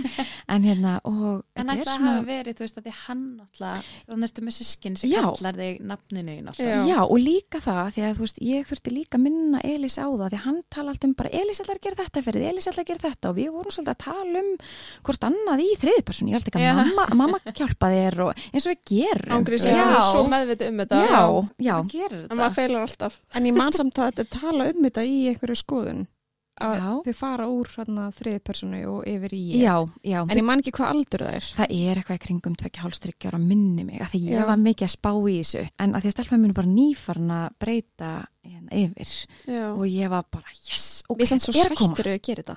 Ha, Við svo sættur að gera þetta. Þetta er sætt, en hérna, En svo var svo- talmennafræðingur. Já, er sem meðvitið stopp leikur. Já, ég held líka svona með fyrsta barn þá er maður svo mikið er hann að koma inn ég er mamma þín já, þá er alltaf mamma, mamma skipta Já. bleiu já, akkurat, svo svo erfitt að algjörlega. hætta því Guð, finnst það líka bara ennþá gaman. Já. Ég bara, Já, mamma, mamma. ég gera það örgulega líka en þann dag í dag, sko, ég, hérna, en ég, ég man á þessu tímabili þegar ég var bara, ok, hún enda á að segja Emma, herru, talaði Og segð þú við hana, ekki nafnið hennar. Bara þess að býða með það nafnið hennar. Komið setna. En já, mér varst mjög gaman svona pæli í svona reglum hjá þeim í máltökunni og, hérna, já, og gaman líka, svona ég mæla alveg með fyrir fóreldra, þeir sem hafa áhuga á að, að skrifa niður í notes og ég er búin að benda vinkonum mínum á þetta líka. Og, hérna, ég er mjög mikið að fara að gera það með Já, stelpum ertu sko. Já, það skrifa bara niður einhver öll orðin sem Já, ég með? skrifa bara inn og þú veist, nýjumóna, þú veist, bað, pappi, mamma, uh, eitthvað. Uh, tímóna, ok, búin að bæta við sig sex orðum og skrifa bara orðin niður sem hann kom með og, og svo Ok, hefur framvegis. verið til að hafa En, en orðin sem maður skilur ekki. Sko, ég er ekki með skilningin, þetta er bara Nei. tjáningin inn í þessu. Ég skrifaði samt smá svona eitthvað um, skilur innfyllt fyrirmáli eins og fara með blegin í rusli eða eitthvað svona. Já. En þetta var bara í tengslum við uh, orðin sem hann var Mhm. að segja. Og uh, þetta átti líka við orð sem hann segir sjálfur, ekki orðin sem hann hermir eftir, af því að það er náttúrulega annað. Mhm. Þannig að, já, mér finnst mjög gaman að- pæla í þessu.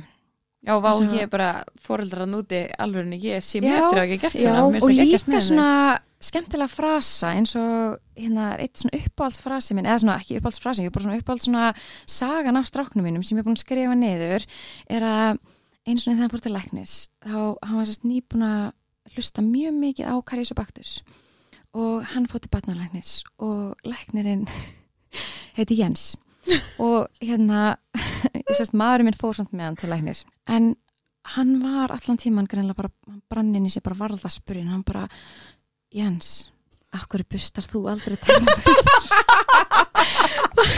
þá hjælt hann að læknirinn var Jens og þú veist, eitthvað svona, bara skrifa þetta niður að við gleymum öllu svo fljótt Ég bara svona Já. líka sérstaklega í svona við lifum í svo hröðu samfélagi og hérna, þannig ég mæla alveg með fyrir fóraldra að skrifa bara máltökuna niður ef fólk eru áhuga og líka svona, Moment. já, Já. svona moment Ég er með svona gullmálabók. Já, fyrir mína. gullmála, Já. gullmála er rétt orðið, algjörlega. Ég er búin að skrifa allt niður sem að eldri hefur sagt. Já, vel gert.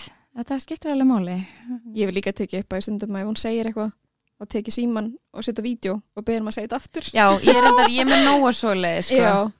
Að hérna, að hérna, svona fyndin moment af orðum sem að hafa allt í hennu komið, sérstaklega hjá þessum, hjá þessum eldri.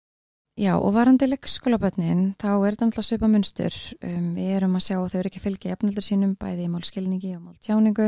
Og, en leikskólakennarar eru ótrúlega nösk á að finna þessi börn. Er þá kallað til, þú veist, Já, svona fyrsta skrefi, eða, eða vakna upp einhverjar svona áhyggjur, uh, þá er fyrsta skrefi að ef að foreldrar hafa áhugjur á batni þá er fyrsta skrefið að hafa samband við sérkennslustjóran í leikskólanum Mhm. og sérkennslustjórun kemur málun í farveg. Ef að leikskólanir, leikskólakennararnir hafa áhugjur á batninu þá hafa þau samband við foreldra og koma sérst, málinu þaðan í farveg. En er ekki erfitt að mynda þetta í leikskólabörnum af því að ég hef alveg heyrt margar sögur af einhverjum börnum sem að virtustu vera með einhvern málþróska, einhver málþróska röskun kom svo bara í ljós að þegar maður gefin smá sveigjanleiki í nokkra mánu og þá allt inni bara voruð bara að ná jafnöldurum.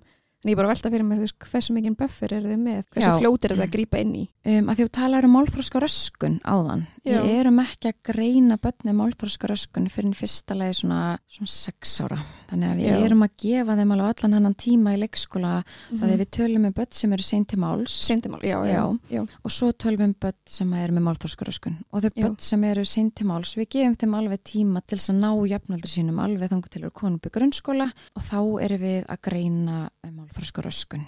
Já, er þið með eitthvað svona, eitthvað svona viðmið, þú veist, á þryggjára aldrei að þau eiga að vera með 400 orð eða, Já, við erum að stiðast við viðmið. Við erum með viðmið fyrir tökjaraldur, þá tölum við um þessi 50 orð sem það hafa valdið sinu. Mér finnst oft eh, þegar þeir eru komið með þessi 50 orð þá fyrir boltinn svolítið að rúlla.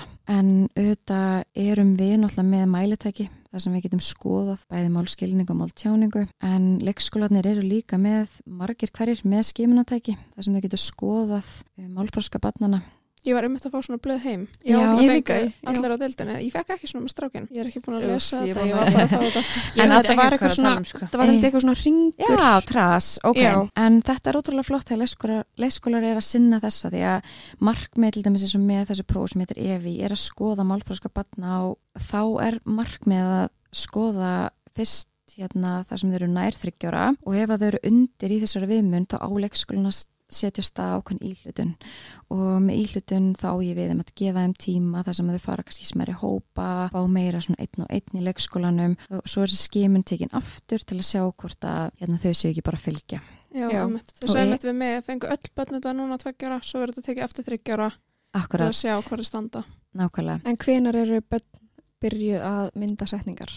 Ok, mér er svo erft að segja eiga, Já, því þau er, er engin eins, en hvenar er svona eðlilegt að þau fara að mynda setningar sem eru kannski meir en tvö orð? Er Sko, þetta ekki svo vítt? jú, það er alveg víkt en ég myndi segja kannski svona við eins og hálsás tvek, til tveggjara þá eru þau svona að tengja saman orð og við tölum um tveggja orða setningu þegar þau tengja tvö, orð saman já, já, já. þá er það að mynda setningu en já, ég myndi segja að það sé svona í kringum átján mánu kannski átján mánu til tveggjara svo sér maður fljótt eða eru kannski farin að tengja tvö orð saman þá er bara boltinn svolítið farin að rúlla Já, einmitt. mm -hmm. En eigum við snúkur aðeins að Instagramaninu? Já. Persónulega.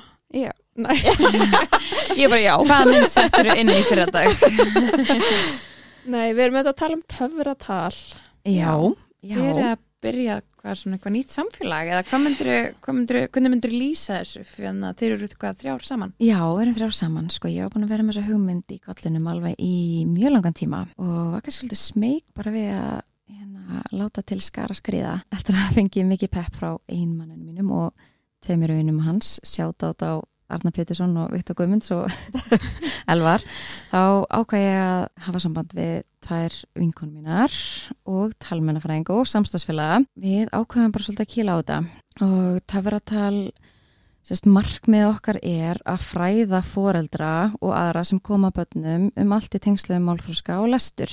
Það er svona megin... Á skemmtilegan hátt. Já. Já, á svona, eins og segir, á skemmtilegan, ha- skemmtilegan hátt og líka svona á auðvöldan og aðgengilegan hátt. Og það sem við hugsaum að bara, ok, það sem við þurfum að gera, við þurfum að, við þurfum að valdefla foreldra. Og að því að foreldra hafa nefnilega svo ótrúlega mikið vægi þegar kemur að máltökunni eða bara málþróska batna. Með því að valdefla foreldra, þá þurfum við að fræða foreldra. Þá þurfum við að hugsa, ok, hvernig ætlum við að fræða foreldra og akkurat punkturinn sem að þú nefndir við þurfum að fræða foreldra á aðgengilegan og svona auðveldan hátt og við þurfum að vera svolítið svona körrent, við þurfum að svara því eða svona svara svona þessu nútíma samfélagi Já, ég ætlaði að vera að bæta við. Það er svo erfitt í dag, eftir ég búin að fylgjast með þér. Og ég sá hvernig þú setja fram Já, og ég fór svona átt að mér á því, þú veist, í dag. Við höfum bara nokkra tíma á milli leikskóla og hérna neytisveps Já, til þess að gera eitthvað og þess að þú ert að benda á margt, já, hefur komið mér um góðum notum sko. Ævá, bara mjög glöð að heyra. Um, við, sem sagt, opnum Instagram síðu sem heitir Töfratal og erum að setja alls konar fróliksmóla þar inn á. Erum, heimasíða er í bígerð og við erum alls konar hugmyndir sem við erum bara mjög spenntar að fara á stað með en kannski ég get sagt ykkur frá fyrsta verkefnun okkar sem að við erum að gera núna er að við erum að taka upp örfyrirlæstra sem að verða inn á heimasíðun okkar töfratal.is. Þar er markmið okkar einmitt að vera svara þessu nútíma samfélagi að vera með örfyrirlæstra um afmarka efni. Þannig að við erum með stuttafyrirlæstra eh, segjum sér svo bara að þú hérna, Andrea hérna um, er að hugsa um strákun sína, ok, þeir eru hvað er það gamlir? Verða tvekja? verða að takja þá gæti þú farið inn að bróka hvernig og ebla málþróska málþróska batna og aldurinn tveggja til þryggjara hann ætlum líka að taka svona þröng aldurspill Já. Ó, Í s- sniðugt. já, þannig að við ætlum að vera alveg með hellinga af svoleiðs fyrirlesturum, það er svona okkar megin markmið til að byrja með Spennandi. já, Og ég held að líka sé bara mjög, veist, mikil þörf á þessu. Mikil þörf á þessu sko. Já. ég get ekki sagt þér ef ég ætti að fara að leita á netinu, ég myndi bara hvað fara á Google. það kemur bara upp eitthvað rannsóknir. Já, það kemur upp rannsónir Já. eða bara eitthvað heyrði talmennafræðing. Bara, Einmitt. já, það er byðlisti. En mér finnst líka, ég er búin að taka eftir hérna, þegar ég var bann, það var rosalega mikið lesið fyrir mig akkurat og ég las sjálf rosalega mikið ég bara, ég sé þetta ekki í dag. Nei, ég er náttúrulega ég elska sögubókalestur Já, og er mikill talsmaður þess að því að þetta er ein árangurs ríkasta leiðin til þess að ebla orðafóra er gegnum lestur sögubóka. Þannig að það væri svona mitt tips and tricks fyrir fóraldra setja lestrastund inn í rútínu dagsins og það þarf ekkert alltaf að vera fyrir söfnin eins og margir vilja, margir vilja tengja þetta saman sem er bara frábært góðgeðastund oft þarna á henni fyrir að sofa en það er líka hægt að til dæmis bara byrja morgun að lesa saman, það er að lesa beint til leikskóla, bara gefa sér tíma og kannski lesa eina bók Mhm. það eh, gefur svo ótrúlega mikið Ég held að þetta hefði hjálpa svolítið hjá mínum gaurum. já, Og ég tek ekki heiðurinn, það er já, bara sjúklega döglegur að lesa fyrir þá. Líka bara eitthvað svona, ef að þeir eru þreyttir eða pyrra, er það bara eitthvað herri ná í bók. Mér finnst líka svo skemmtilegur pósturinn sem kom inn í vikunni með að barn er alltaf að velja sömu bókina. já Öll mín akkurat. börn hafa gert þetta. Já. Og svo Mín líka. sögun utan á að þau kunni ekki og Já, lesa. nákvæmlega en sé, það gefur þeim bara svona ákveð öryggi að, að hérna, Að Að vita. kunna. já, vita svona í gegnum lestur sögubók það er að gera svo ótrúlega margt og eh, margar aðferði við lestur þarna líka í, í gegnum sögubókulestur þá erum við að sjá orð sem að við erum ekki að nota dagstaglega þarna eru þessi orð sem að já, eru kannski svona aðeins um, svona meira framandi eh, heldur en bara eins og við notum í dagstælu lífi. Þannig að við fáum tækifæri til þess að útskjara orðin sem að hérna, þau skilja ekki. Það er alls konar skemmtilega leiðir til þess að Já. lesa fyrir börnin. Að Stelpur bókalestur minn er ástæðan fyrir ég svona hann skrítin eða eitthvað mati Já, það er stórfyrðuleg sko. En, en þetta er hérna, Ég er alltaf með einhver orð sem það er bara Já, Sérstaklega en þetta gefur manni svona ríkulegan orðaforða og mamma mín var alltaf að impra á þessu um mig þegar ég var yngri og, e, Ok, þetta til með orð Imbra, þær hefði verið bara Eitis, ert það grínast? Já, mörguleiti, já. En já, Já. þetta skiptir ótrúlega miklu máli og ef við hugsum bara um orðaforða, orðafor, orðaforði er undistað alls náms og við þurfum að hafa ríkan og góðan orðaforða til að komast í gegnum skóla Mhm. og svo gott að hafa það í huga hérna, reyna að gera allt sem við getum gert til þess að ebla orðaforða barnan okkar því að það stuðla bara að uh, betri málþróska og þar leðandi bara velgengni í námi Nákvæmlega. Mér finnst það mjög gaman sko, strákurinn minni með bækur sem fóreldrar mín átti þegar þau voru lítil. Já, Fyllt á orðbanda sem er ekkert notið í dag. En hann fattar alveg hvað það þýðir. Sko. nákvæmlega og líka bara eftir því sem við útskýrum orðin oftar oftar því fljótar eru þau að pikka þau upp Mm -hmm. og hérna ég elska eins og strákurinn minn hann er svo móttækilegur fyrir svona einhverjum alls konar skrítnum orðum inn en gæsalapa eins og þið voru að tala um og hérna og nota það í dagstælu tali. Þannig að ég minnst þetta ótrúlega, ótrúlega skemmtilegt svona þessar lestarstundi sem við eigum saman. Já. Svo finnst mér líka, þú veist, að því að minn er alveg duglegur að vera með, með svona afa og langum og langafa og hann Já. oft upp, hann er alltaf að segja sko, nei það borgar sig ekki. Vist, ég myndi aldrei segja þetta Akkurát, nákvæmlega.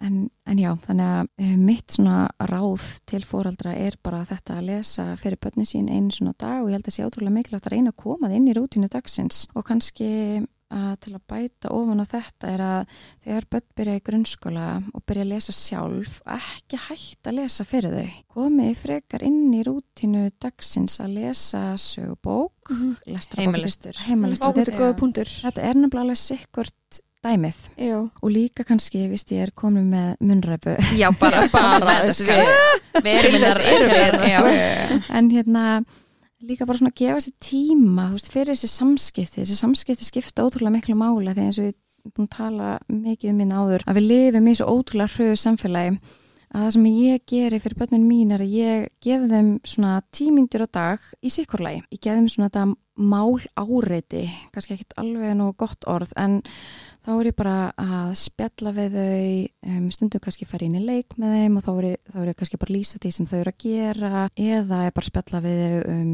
hvað gerist, eh, hvað þau voru að gera í leikskólanum. Stundum tekið með mér inn í þóttós og þá eru kannski með orða, allan orðafornan inn í þóttós ég bara, herru, viltu rétta mér hvítabólin herru, nei, serðu, skýrtanars pappa hún er köplót og þannig eru við komið með svona orðaforra sem við erum kannski ekki endilega að nota þú veist, dags daglega. Stundum tekið ég með mér bara í eldhúsið og þá eru við komin með allt annan orðaforða. Nú ætlum við að steikja fiskinn á pönnunni og svo þurfum við að sjóða kartöflunar veistu hvað því er að sjóða? Þú veist, bara eitthvað svona, það sem að við erum svona að leggja inn í bankan þetta finnst mér skipta alveg ótrúlega miklu máli að gefa svona tíma það sem er engin sími og það er bara þessi samskipti. Ég reyna að gera það í svona sikkur lægi þannig að ég segja svona þetta tvenn Mér líður einmitt á þess að ég sé ykkur íþróttaþjálfari. Ég sé Já. að mér líður mitt í sundi á þann Já. Ég tala náttúrulega mjög mikið við þá. Og þú veist það er ég bara alltaf gert. Og að svo segir þeir og ég er bara ok, ferð þú í samfellina, ferð þú í þetta, gerð þetta. Og svo sé ég svona, fólk lítur alveg á mig bara af hverju hún að segja þetta allt við þá? En það skiptir ótrúlega miklu máli. Ég ger þetta líka. Mér líður bara sem ég sé ykkur þjálfari að það Já. að sem þú skrifaði einhvern æfingu. tímann leggja orða aðtapnir já, já, Þetta er algjörlega alveg fast í helnum Já, sko. Æ, gaman að heyra. Spann eins og við erum að klæða okkur út í fötum bara, já, ég herðu, nú mútu sækja kuldaskona og ég sé að nú ert að klæða í úlpuna. Ok, á ég Ok, að renna upp þú veist, bara allt þetta í stæðan fyrir að vera bara, segja ekki neitt, bara klæða í skona úlpan, eitthvað svona Ég er ánað að heyra þetta. Ég, klætti út í fött já, Já, ég oft, akkurat ég hef svo oft hugsa bara, guð, hver er yfirþyrmandi? Alls Af því ég ger þetta. Veist, Ég, ég hugsa af aðrir fóreldrar horfa mig og er bara, guð, Já. mig góðu konu yfirþyrmandi. af Því Ég ég bara, bara búðalega að tala þessu já, Já. guð, mig góðu konu tala mikið. en þá kannski að við upplöfum okkur sem svona pínu óþúlandi með því að Mhm. vera að tala svona mikið, þá græða börnin svo ótrúlega mikið á því Já. og hérna, það eru svona þessi samskipti sem skipta ótrúlega miklu máli hvað var það málþróska En það var eitt sem þú talaði um á, uh, inn á þínu miðlum um daginn Já. sem ég tók til mín. Já, Uh, þú varst að tala um ekki spyrja börn já, til dæmis með liti heldur Já. segja þeim. já Mér langar að vita hvers vegna, eða hvað Já, breytist. ég ætla að, sérst, ef við förum í hennan yfirheyslu leik Já. og hérna bara eins og sem allir fara Allir alltaf gera í. þetta. Já, Þetta algjörlega er eitthvað sem bara svona að tekka hvað kanntu mikið. Já. Þetta er Akkurat, svona- en ég get ímyndað ykkur upp förum bara í flæði sem er þá í gangi Hva, Hvað heitir þetta dýr? Hvað er það á litin? Uh, hvað er það með marga fætur? Þetta er svo ótrúlega ónáttúruleg Af hverju er með fjóra fætur? Af hverju er hann rauður? að því að þau græða jafn mikið að því að ég sé kannski, herðu, ég er með kindina og svo kannski bara spyrja, hvað dýr er þú með? Ef ég fæ ekkert svar, þá Mhm. segi ég bara, þú ert með beljuna eða veist, eitthvað svo leiðist. Þannig að þau græða jafn mikið að því að ég sé bara nefna það sem við erum að gera eins og ef að ég væri endalust að yfirheyra badni og ástæðan fyrir því að við viljum forðast það að yfirheyra badni er að börn geta fara í baklás það alveg bara Börn eru ótrúlega misjöfn. Sem bara höndlita og geta svara öllum spurningum. En það eru önnu börn sem að upplega einhver svona pressu og upplega eitthvað svona herðbyttu þetta er, og þetta er mikil árás bara, ég er ekki tilbúin að vera í þessum leik. Og kannski þá bakka með bara samskipti. Pössum okkur þessu að við, þú veist við skulum frekar nefna það sem að við erum að gera og reyna að hafa þú veist, þessar svona samræður eins náttúrulegar og hægt er að því að ef við yfirfærum þetta yfir á fullanspjall þetta er bara myndi Já. líka, þetta er svolítið opið, þetta verður að vera svolítið opið ég held samt að þetta sé, þetta er bara svo plantað inn í okkur. Algjörlega, það, allir gera svona. allir fóreldrar þetta, algjörlega. En bara svona vera meðveit um þetta Já. af því að það skiptir enga máli þótt að þau svari því hvort að kuppurinn sé rauður eða Nei. hvort að þú segir það. Ég held að þetta sé líka eitthvað svona í undirmöðundinni að maður að reyna að tekka hvað kantu mikið. Eða algjörlega, veist, en algjörlega. en svo bara máli. kemur það, þú veist, maður kannski búin að segja bara, já, hérna er rauði kuppurinn, rauði kuppurinn fyrir ofan og græna kuppurinn, svo það maður bara stundum að býða smá stund. Og ég held líka svona kannski, ef ég tala bara fyrir mig persónulega, ég eins og kannski heyri, tala mjög hratt, tala mjög mikið. Og hérna, og ég stend sjálfa mig aðeins stundum að ég spyr spurningu, svo spyr ég aðra spurningu ofan á spurningun og kannski búin að svara henni. Svo er ég bara, guðminn er góð og þannig að það er líka kannski það, þú veist, gefum okkur tíma ef við erum að spurja spurningu, ef það er flæði í samræðinu, að gefa okkur tíma til þess að leifa batnin að svara. Oft tekur það tíma kannski fyrir batni að hugsa hvað við vorum að spurja og getur oft tekið bat kannski 3-5 sekundur sem er mjög langt fyrir okkur. En þetta skiptir alveg máli þú veist að, að við gefum þeim smá tíma og þá kemur oft svarið sko. Þetta eru bara Geggjaðir punktar, sko. lesa, opnar umræðir við börnin og bara Já. hættum mér sem yfirheyslum Já, og líka kannski svona annað sem ætti að forðast er að leiðir þetta börn svona málfarslega á beinanhátt að því það er að gera það á óbeinanhátt ef ég svona útskýra það fyrir ykkur um, ef að bara segir kannski málfarslega eitthvað vittlust eins og ég er að fara að leika við uh, Jói í staðan fyrir að segja bara, þú átt ekki að segja Jói ég er að fara að leika við Jóa á maður að segja þá getur þú frekar það og þú veist það þýr að leiðir þetta á beinanhátt en ef við leiðir þetta um barn á óbeinanhátt með því að segja bara já, ertu að fara að leika við Jóa Já. þá heyri barn alltaf rétta setninga uppbyggingu, rétta málfræði og er líklega til að pikka það upp og finnur ekki þessa pressu bara ok, wow, hérna ég fekk bara ára sá mig fyrir að beigja vittlust og það er kannski bara eðlilegt að beigja vittlust að því ég er bara þryggjara, Mhm. ég veit og ég var ymmit bara í bylnum um daginn, bara í fyrra dag eitthvað með stelpunum minni, oh, nú mann ekki nákvæmlega hvað dæmi hún tók, en hún var held ég að tala um einhverja hesta. Hún segi bara já, hérna, tveir hestir eða eitthvað. Og ég ekki, já, tveir hestar. Og þá endur tók hún á eftir mér, Já, já, já, þannig að þú veist, þau græða svo mikið að því að við leiðritum bara óbennan hátt í staðin fyrir að gera það beinan hátt að því þá erum við svolítið að svona smá ára já, þá erum við Já. svona, þetta er alveg ára svo badni þannig að Já. höfum það líka kannski svolítið í huga Mhm. en við eigum nefnilega til að vera bara eitthvað "Ah, þetta er ekki þnjór, Já. þetta er snjór. Veist, þannig að þú veist, hvort sem það er málfræðilega rétt eða hvort sem við tala um framburð. En, hérna, en má ég nefna eitt í viðbót Já, Bara endilega. hérna, mér langar að tala aðeins um skjátíma en ég ætla ekkert að fara út í einhverja reglur varandi skjátíma, mér langar bara að tala um efni sem að við erum að velja fyrir börnun okkar.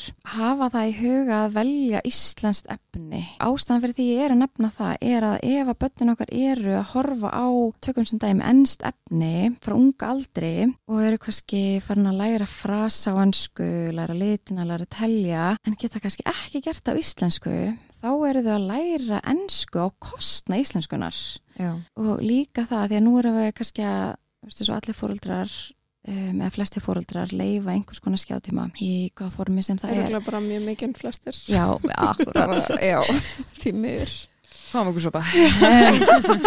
Akkurat, en hérna en já, og þannig að hafa það bara í huga að hvað hva við erum að setja fyrir framann barna okkar þegar þið er til fullt af flottu íslensku efni og til dæmis eins og kannski þegar við Smá stund. Já, smástend, já, Mhm. sem er frábært og líka skopp og skrýtla Já, Já, Skopp og skrýtla er frábært barnaefni. Það er einmitt hérna skopp og skrýtla í bánsaför eða eitthvað svo Já, það er bara til, það er til hellingur efni með skrýtlu, hann ég mæli eindrið með því. Það var kannski hjálpa mínum líka alltaf því ég nefndi í einhver svona Þannig að þú veist, fyrsta sem Elmar þar horfið á var sko Madagaskar. Herru. Kristó er einmitt að ala þetta upp í stelpunum. Það var eitthvað Lion King og Já, eitthvað sem er bara ógstlega flott Já. íslenska eða skilur þú veist, það er ekki eitthvað svona badnamál í gangi. Akkurat, Það er bara svona, þú veist, þetta er bara personur að tala saman, skilur nákvæmlega. Og líka bara að ég veit að það eru margir með Netflix en ef við erum að, ef við hugsaum þetta bara sem svo, ok, barnið mitt er að fara að horfa á Peppa Pig setjum að freka bara á rúf og leiðum því að horfa okkur grís Mm, að já. þetta er íslenskt. Bara svona þetta, en annars ætlum ég ekki að fara út í skjátíma það er alltaf viðkvæmt efni. Það er heilt, sko. það er heilt þáttur sem Það er- getur farið í, í Já, og það er náttúrulega búið að við erum inn á búin að það- koma inn á skjátíma í í einu þætti. Já, nákvæmlega. Og enda er það ekki mitt að dæma. Mér langar bara að koma inn á þetta Þetta sem bara er, mjög þetta er bara mjög valid punktur Já. og ég held að sé bara allir sammálusu það bara fatt þetta kannski ekki allir æ, hvað er Nei, að þú horfir á þetta af hverju, Einmitt. Einmitt. En það er líka hverju mörgum- horfir ekki á þetta bara íslensku Já, skilju en það er samt líka mörgu sem finnst krútlegt að bönnin læra ennsku en það er samt mjög góða punktur hjá þér.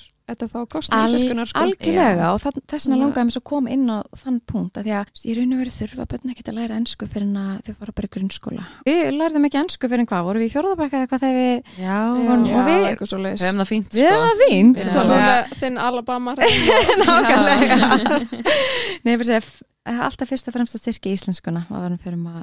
það Já. Að- að og að og að bæta eitthvað öðru tungumáli við. Ef það eru tveir íslenski fóldra, kannski taka það alveg fram. Já, já, Annað er mjög veist, bara móðumáli Já. sitt saman hvort það sé, þú veist íslenska annað, veist, þá náttúrulega bara til einhver er það. Algjörlega, en bara Eirún, takk aðeinslega fyrir að koma til okkar. Þetta var bara ekkert að smáfræðandi. takk fyrir, það var svo að- gaman að koma. Ég fóð vel út fyrir þægindar af hún, þetta er mjög ekki? skemmtilegt. Já, svo svona slagnar á manni og þetta verður já, svona já, næs þetta var og bara skemmtilegt spjall. Geggjað. Og svo bara að fara að tafra að tala á Instagram Herra, já, já, algjörlega. Og það verður mjög spennandi þegar heimasíðan verður komin í gang. Já, algjörlega. Fylgjastu með. Takk. Takk fyrir. En við kveðum nú að sýri stúdíuð pokast þegar hann er.